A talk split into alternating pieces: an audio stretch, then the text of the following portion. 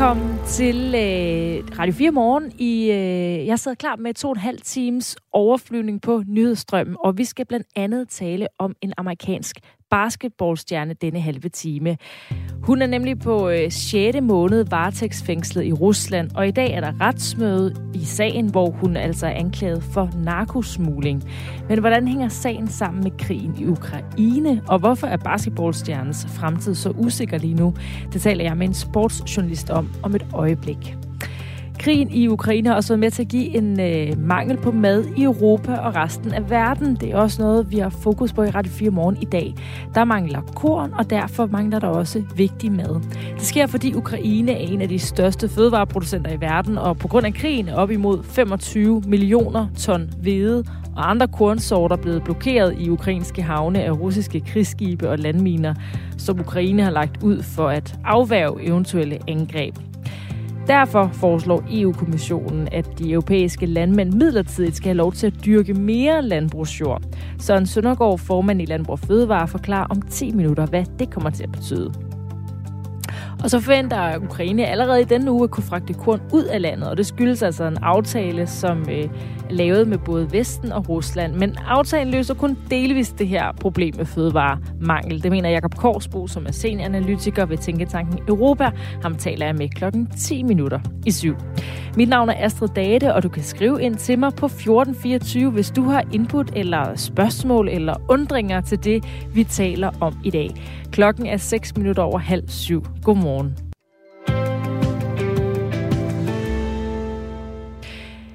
Vi begynder i Rusland, og her hvor den amerikanske basketballstjerne Britney Griner sidder på 6. måned i varetægtsfængsel i et øh, fængsel i Rusland. Efter hun altså den 17. februar i år blev anholdt i lufthavnen i Moskva for at være i besiddelse af cannabisolie. En uge senere, den 24. februar, gik Rusland i krig med Ukraine. Ruslands tilbageholdelse af Griner gav hurtigt anledning til mistanker om, at tilbageholdelsen var politisk motiveret. Det har det russiske styre benægtet. Og i dag er der så endnu et retsmøde i sagen. Trine Nørgaard Pedersen er journalist og dækker blandt andet amerikansk kvindebasket og har en podcast om kvindelige atleter. Godmorgen til dig. Godmorgen. Hvad skal der, undskyld, hvad skal der ske på øh, dagens retsmøde? Jamen altså, sidste gang vi var i retten, var det karaktervidner på, hvad skal man sige, Britney Griners vegne. Der var der så, øh, vi, vi ved det ikke helt mere, går ud fra, at det bliver den russiske anklager øh, tur til at fremlægge enten nogle beviser, eller måske nogle modsigende karaktervidner, vi ved ikke, men noget af den stil forventer vi. Og vil du ikke også øh, give et øh, lille øh, indblik i, hvem Britney Griner er, altså hovedpersonen i den her sag? Jo, jamen Britney Griner, hun er en af de største kvindelige basketballspillere i verden.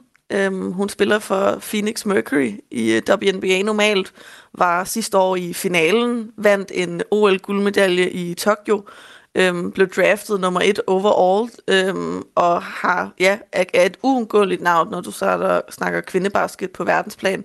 Og så er hun jo selvfølgelig også en øh, sort queer kvinde, som øh, også er stor del af hendes brand, og snakker om den form for retfærdighed. Og hun er altså nu anklaget for narkosmugling og har erklæret sig skyldig i at have taget cannabisolie med ind i Rusland. Der har indtil nu været flere retsmøder i sagen, hvor hendes russiske holdkammerater har skulle vidne, og hendes forsvar blandt andet har skulle fremvise dokumentation for, at cannabisolien var medicinsk. Og i dag er der så et retsmøde i sagen igen. Siden hendes anholdelse, der er der jo så brudt krig ud mellem Rusland og Ukraine. Øh, en krig, hvor øh, NATO hævner USA spiller en rolle. Hvilken indflydelse har den konflikt haft for sagen mod Britney Griner? Jamen det betyder jo selvfølgelig, at der er færre amerikanske embedsmænd i Rusland til at tage sig af hendes sag. Øhm, der er dårligere relationer mellem Rusland og USA, øh, hvilket jo også har stor betydning for de forhandlinger, der er mellem den, og den adgang, der har været til Griner. Den amerikanske øh, præsident Joe Biden har jo et brev til Britney Griner sagt, at øh, de giver forsikringer om, at de bestræber sig på at øh, hjemsende Griner mere end fire måneder efter hendes anholdelse i Rusland, og at han ikke har glemt hende, og det var altså i starten af juli. Hvad betyder det, at Biden er gået ind i sagen og skriver direkte til hende? Jeg tænker da helt klart, det er en trøst for Britney Griner og hendes familie, men jeg tror også, hvis du spørger Cheryl Griner, hendes kone, øhm, så er de også utålmodige, og de har ventet på at høre fra Biden længe.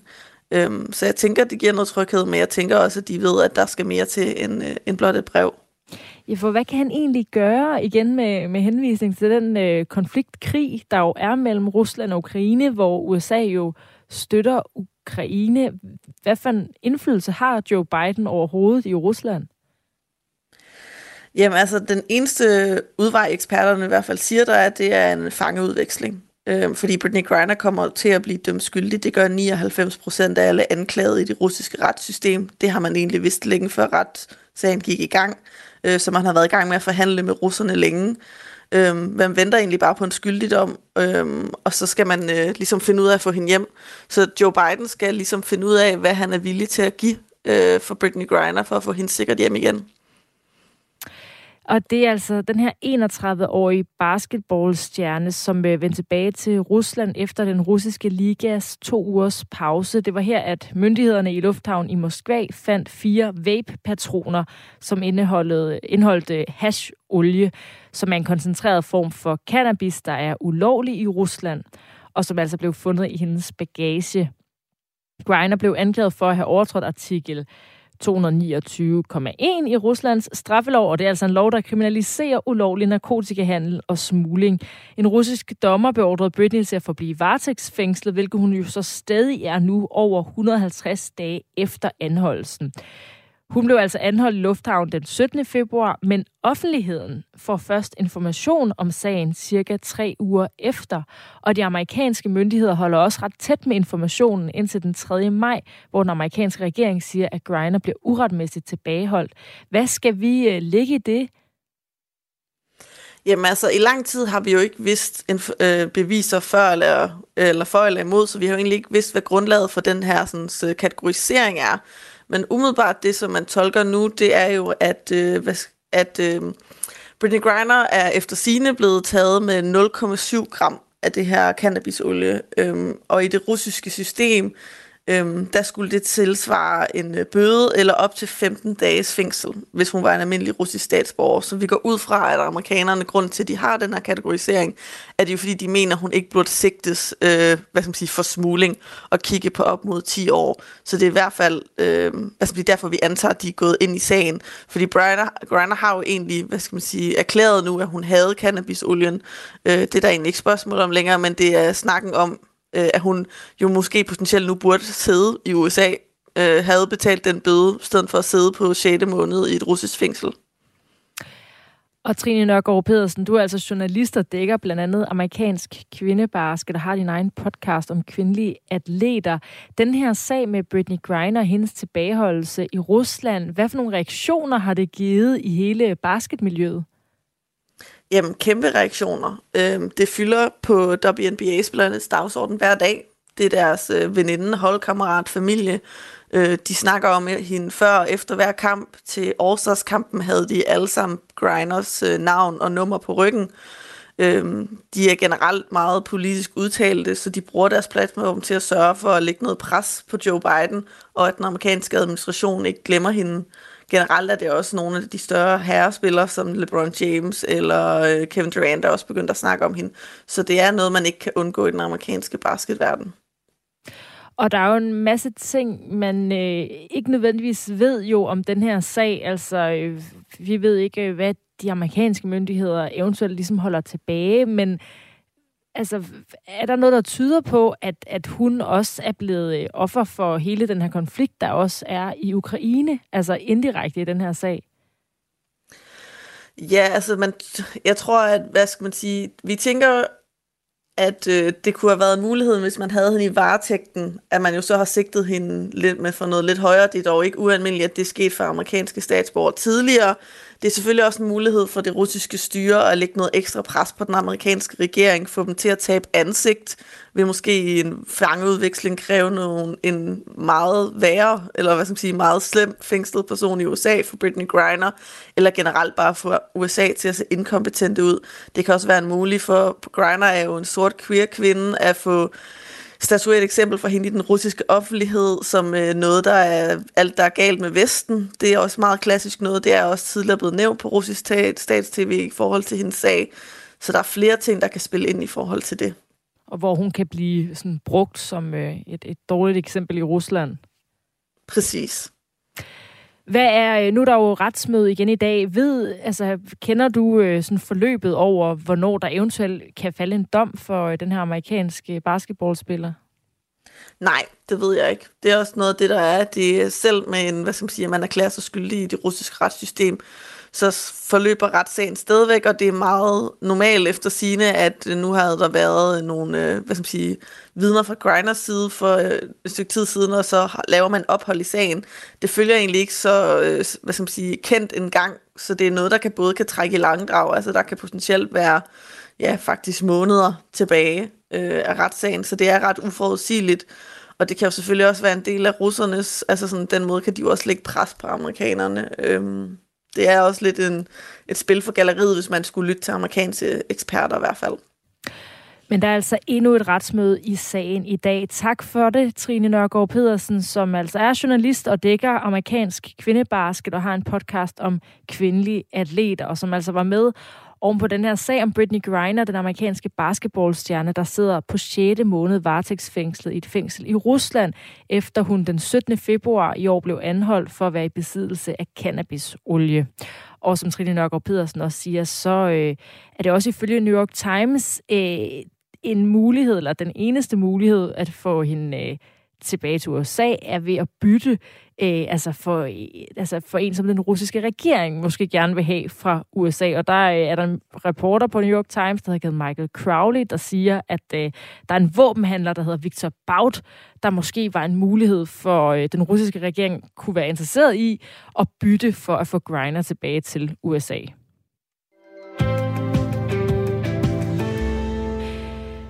Krigen i Ukraine har været med til at give en mangel på mad i Europa og resten af verden. Der mangler korn og derfor vigtig mad. Og det sker, fordi Ukraine er en af de største fødevareproducenter i verden, og på grund af krigen er op mod 25 millioner ton hvede og andre kornsorter blevet blokeret i ukrainske havne af russiske krigsskibe og landminer, som Ukraine også har lagt ud for at afværge eventuelle angreb.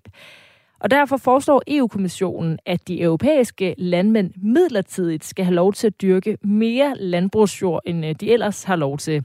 Søren Søndergaard er formand i Landbrug og Fødevare og forklarer her, hvad det kommer til at betyde. Har. Man har jo altid haft en landbrugspolitik i EU igennem mange, mange år, øh, som jo har haft det formål at understøtte en hel masse forskellige samfundsdagsordner. Historisk så handlede det om at producere rigtig, rigtig mange fødevarer, Øh, og de sidste mange år, der har det handlet om mange andre ting, blandt andet at vi også skal gøre en hel masse for naturen og biodiversiteten. Og der for et år siden, der besluttede man så at indføre, at fra næste år af, altså fra 2023, der skal vi alle sammen ud og finde øh, 4% af de marker, vi dyrker i dag, som vi så ikke må dyrke længere. De skal sådan set bare have lov at ligge brak, som ordet det nu siger. Og, og det er så det øh, krav, man har drøftet på baggrund af krigen i, i Ukraine, at, øh, den beslutning blev truffet på et tidspunkt, hvor vel ingen kunne forestille sig nogensinde, at vi skulle stå i en situation, som vi gør nu. Og derfor har man selvfølgelig taget det op til revision, og det er nu også er klogt i en tid, hvor vi mangler fødevarer, og så bede landmænd om at producere færre fødevarer. De 4% landbrugsjord, som EU-kommissionen foreslår at dyrke frem for at ligge brak, svarer til et areal på cirka 1,5 million hektar. En hektar er 10.000 kvadratmeter eller 100 gange 100 meter og hvert ton afgrøder produceret i EU vil hjælpe med at sikre fødevaresikkerheden på verdensplan. Det understreges af EU-kommissionen, at det ekstra produktionsareal ønskes brugt til netop fødevare. Det vil sige, at der skal ikke for eksempel dyrkes majs eller soja på arealerne, hvis det nu ender som foder til dyr. Hos Landbrug og Fødevare er de glade for, at man nu øh, har et år mere til at kunne dyrke jorden. Helt grundlæggende så synes vi, og det har vi sådan set synes hele tiden, at lige nu den del af landbrugsreformen, hvor man jo har besluttet, at vi skal til at dyrke mindre af vores arealer, det synes vi på mange måder ikke giver mening. Vi er jo helt med på, at vi, øh, vi har en kæmpe opgave som landmænd i også at levere på de store ønsker, øh, som vi alle sammen har for, at vi skal have en dejlig natur, og vi skal have masser af biodiversitet. Men der tror vi altså ikke, løsningen er, at vi lader være med at så på nogle af vores marker. Der tror vi i højere grad, at vi udvikler øh, i kanten af den natur, vi har i forvejen. Så jeg er sikker på, at det, at vi kan fortsætte med at få lov at dyrke vores marker øh, i første omgang nu et år mere, det vil alt andet lige jo selvfølgelig give nogle flere fødevarer på markedet. Ifølge Søren Søndergaard, så glæder de danske landmænd sig også over ændringen. Jamen, jeg tror, at øh, alle dem, jeg har talt med, de har faktisk været frustreret over det her i, i et års tid nu, over at vi overhovedet skal have sådan et krav. Vi er helt med på, at der er en hel masse ting, vi skal leve op til, og det gør vi hver eneste dag. Men lige nuagtigt at bede os om at lade være med at dyrke vores jord, noget af det, vi er allerbedst til, noget af den bedste landbrugsjord i verden, det synes vi er tosset. Når det så er sagt, så har vi jo efterhånden de seneste måneder indset, jamen det var jo nok sådan, det blev. Så mange er jo godt i gang med at planlægge nu, øh, hvordan den kommende dyrkningssæson skal se ud. Så derfor så er det jo i hvert fald på høje tid, at den her beslutning den nu kommer, fordi i de her dage, hvis man kører rundt i landet, så kan man jo se, at vores majtasker er godt i gang på markerne med at høste. Og når vi er færdige med det, så skal vi til at så igen, og så skal vi altså vide, hvor meget vi skal så. Og man kan altså så øh, mere nu med den her øh, beslutning fra EU-kommissionen. Søren Søndergaard mener ikke, at det er det økonomiske aspekt, der øh, betyder mest i forhold til, øh, hvor glade landmændene er for det. Jamen altså, det er klart, at det helt grundlæggende, så for at man kan have et, et bæredygtigt øh, landbrug, hvor man både kan leve op til alle de forpligtelser, man har over for det omgivende samfund, over for miljøet og naturen, så skal man jo også have en bæredygtig bundlinje. Og det er jo ingen hemmelighed, at det, at man går ud og beder nogen om at fjerne øh, 4% af, den, af det areal, man kan dyrke på, at det koster os da alle sammen på bundlinjen. Men når det så er sagt, så tror jeg faktisk ikke, det er det, landmændene tænker lige på øh, lige i øjeblikket. Vi kan jo alle sammen mærke, hvordan det er blevet næsten håbløst at købe korn, øh, og det er sådan set uanset om det er til vores dyr eller noget helt andet. Og når man så tænker på, at vi er trods alt i en del af Europa, hvor vi, det går jo nok, øh, øh, og vi skal også nok alle sammen få brød på bordet. Men mange af os kender jo folk i Sydeuropa og i Østeuropa, som har rigtig, rigtig svært ved at have råd til at købe øh, mad til de her dyre, dyre priser, vi har lige nu. Så jeg tror langt de fleste, de tænker på, jamen lad os nu hjælpe med at producere øh, nogle fødevarer. Det er det, vi er oplært i, det er det, vi kan, og det er det, vi gerne vil. Men før landmændene kan glæde sig helt, så skal øh, beslutningen fra EU-kommissionen lige godkendes i Folketinget først. Det er jo sådan, at at øh, man har besluttet i EU-kommissionen, og sådan er det som regel med, med den her type af landbrugspolitik, at det er op til det enkelte land, så hvordan det skal implementeres. Og øh, der håber jeg og forventer selvfølgelig, at, at de danske politikere de er helt med på, at når nu EU-kommissionen har vurderet, at det her det er en god idé, øh, at så er det også det, vi gør i Danmark lød det altså fra Søren øh, Søndergaard, som er formand i Landbrug og Fødevare. Knap var blikket tørt på kornaftalen mellem Rusland og Ukraine, før russiske missiler ramte den ukrainske havn. Et angreb, som besværliggør fragt af korn ud af Ukraine, som øh, aftalen mellem landene ellers skulle sikre. Ukraines minister for infrastruktur, Alexandra Kropakov, kunne i går fortælle, at landet forventer at fragte korn ud af Ukraine allerede i morgen. Jakob Korsbro, senioranalytiker i Tænketanken Europa, forhenværende chefanalytiker i Forsvarets efterretningstjeneste. Godmorgen. Godmorgen, godmorgen. Den her aftale skulle altså sikre ukrainsk eksport af korn, som dermed skulle bidrage til den akutte brug for fødevare i øh, blandt andet Afrika. Skal det russiske angreb, der så er jo kommet kort efter, ses som om, at de fortryder, at de har indgået den her aftale? Øh, nej, øh, det, det skal det egentlig ikke, øh, fordi øh, besvindeligheden er, at der er to aftaler. Der er en aftale med Rusland, og den vil russerne vældig gerne beholde. Og så er der en aftale med ukrainerne, som russerne vældig gerne vil sabotere. Så det, det er to forskellige aftaler, vi taler om. Og den ukrainske del af den vil Rusland gøre sit for at, at, at sabotere. Ja, så der er teknisk set ikke indgået en aftale mellem Rusland og Ukraine, men de har hver for sig indgået netop. en aftale med FN og Tyrkiet. Netop. Men men hvordan ser det ud? Altså, der har været angreb, men alligevel forventer ukrainerne at kunne fragte øh, korn allerede i morgen. Hvordan kan de her to ting øh, eksistere parallelt? Altså, øh, vi må se, hvad der, hvad der lykkes. Øh, så vidt jeg oplyst, så er man ikke færdig med at, øh, at fjerne de øh, øh søminer, øh, som, som ligger øh, i, øh, i området. Øh, men det må ukrainerne jo føle, at, øh, at de er ved at være klar til øh, og, øh, at have styr på. Og så, så er der jo sådan noget med, jamen, hvor meget kan der fragtes ud, og med hvilke skibe. Og der ved vi jo også, at øh, den her type beskydninger betyder, at, øh, at øh, de fleste shippingfirmaer, de, øh, de, de vender skråen en ekstra gang for at se, om det nu er, er sikkert. Og, og når jeg siger vender skråen en ekstra gang, så er det nok i virkeligheden en underdrivelse, fordi de, de skal jo have vidsthed for, at, øh, at deres besætning og, og deres skibe, øh, de, øh, de kan sejle, og der er forsikringsspørgsmål og så videre, og alle forsikringspræmierne går op. Så jeg ved ikke, om ukrainerne selv har, har nogle containerskib til rådighed, men, men det går i hvert fald ud over, hvor meget der kan fragtes, og hvor meget ukrainerne kan tjene på, på aftalen. FN's øh, generalsekretær Antonio Guterres sagde efter aftalen, at det skal hjælpe ulande, som er på grænsen til konkurs, og hvor de mest sårbare mennesker er på grænsen til hungersnød. Og i, i, i forlængelse af det, der forventer ukrainerne at kunne fragte korn allerede i morgen. Så det kunne godt lyde, som om de har nogle skibe eller fundet en løsning, og at aftalen har været en succes. Ja, lad os, øh, lad os se, hvad, hvad det lykkes øh, at, at gøre. Øh, man kan sige, det, det som jo er klart for både ukrainerne og russerne, øh, det er, at øh, de har haft økonomiske incitamenter til at indgå øh, aftalerne. Og, øh, og, og, og som jeg siger, så, så vil russerne nok gøre deres for, at ukrainerne kommer til at tjene mindst muligt på det. Øhm, og fra vestlig side, så kan man sige, der er vi lidt fanget i den her, øh, som Guterres også øh, lægger vægt på øh, med, med truende hungersnød og, øh, og i hvert fald en, en kæmpe stor fødevarekrise i Afrika og, og Mellemøsten, fordi øh, det er lige præcis det spil, som, øh, som russerne forsøger at gå ind og, og udnytte, sådan så det er ukrainerne og Vesten, der kommer til at se ud, som om de, de saboterer øh, øh øh, fødevareforsyningen. Hvordan kan russerne få det til at se ud som om, at det er ukrainerne og Vesten, der saboterer fødevareforsyningen, når de jo prøver at lave en aftale om at få transporteret det her korn væk fra de ukrainske havne?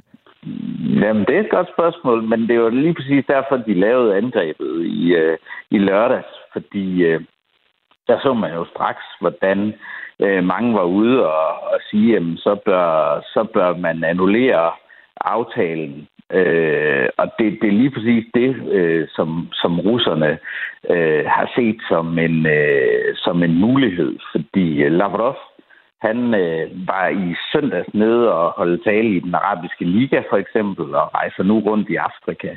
Og hans fortælling er, at øh, se blot øh, her, det er Vesten og deres sanktioner, der har været skyld i, at vi har manglet øh, fødevarer i en periode, Øh, Øh, nu har vi fået øh, lavet en aftale, sådan så vi kan sørge for øh, øh, gødning og fødevare.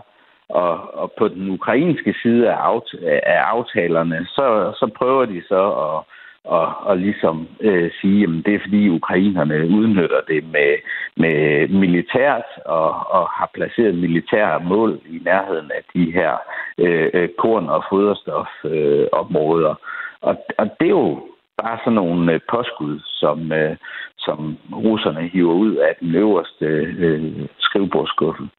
Altså, så, altså bare for at forstå, hvad du siger, så udnytter russerne det her til at, øh, altså, til at vende folk i Afrika mod Vesten, og, så, og, og få dem til at mene, at det er Vesten og Ukraines skyld, at de ikke får korn. Ja, lige præcis. Det er, jeg er med på, at det er en kynisk udlægning, men det er ikke desto mindre sandt, fordi det er den øh, fortælling, Lavrov han rejser rundt med i de her timer. Og, øh, og, og det er egentlig ikke overraskende. Øh, man kan sige, det er klassisk øh, tilgang som øh, fra russisk side, øh, og det der skal vi bare øh, være klar fra, fra vestlig side på, at, øh, at det er måden, som russerne forsøger at, at udnytte det hele på og, og vinde flere over på, over på deres side. Og der skal jo være øh, afstemninger nu her øh, i september måned i FN's øh, generalforsamling, Og, øh, og det, vil, det vil russerne helt sikkert øh, forsøge at, og, og, hvad kan man sige, udnytte og omvende øh, nogle, øh, nogle afrikanske og mellemøstlige lande. Hvad kan Vesten gøre? Jamen, øh, vi er jo i det humanitære dilemma, fordi øh, vi, øh, vi, vil gerne, øh, vi vil gerne hjælpe, øh, og det er utrolig svært for os at, øh, at hjælpe. Men øh, som jeg siger, så skal vi, vi bliver nødt til at gøre mere, fordi øh, det, det som øh, altså russerne forsøger at udnytte det, og øh, den eneste måde, vi rigtig kan komme ud af dilemmaet på, det er ved at sørge for, at øh, Ukraine de vinder på slagmarken øh, i Ukraine og får tilført russerne et, øh, et alvorligt nederlag. Øh, så kan man sige, så er, så er vejen øh, brolagt. Og, øh, og det, det er det, der vil bringe os ud af det her dilemma. Fordi øh, russerne vil forsøge at udnytte det lige så længe, som de øh, står inde i Ukraine, og så længe de fører den her krig. Og, og, og der kan man sige, der skal et, øh, der skal et overvældende nederlag til, før de, øh, de ændrer tilgang. Lød det fra Jakob Korsbo. Tak fordi du var med, senioranalytiker ved Tænketanken Europa og forhenværende chefanalytiker i Forsvars efterretningstjeneste. Nu klokken syv, og du får et nyhedsoverblik.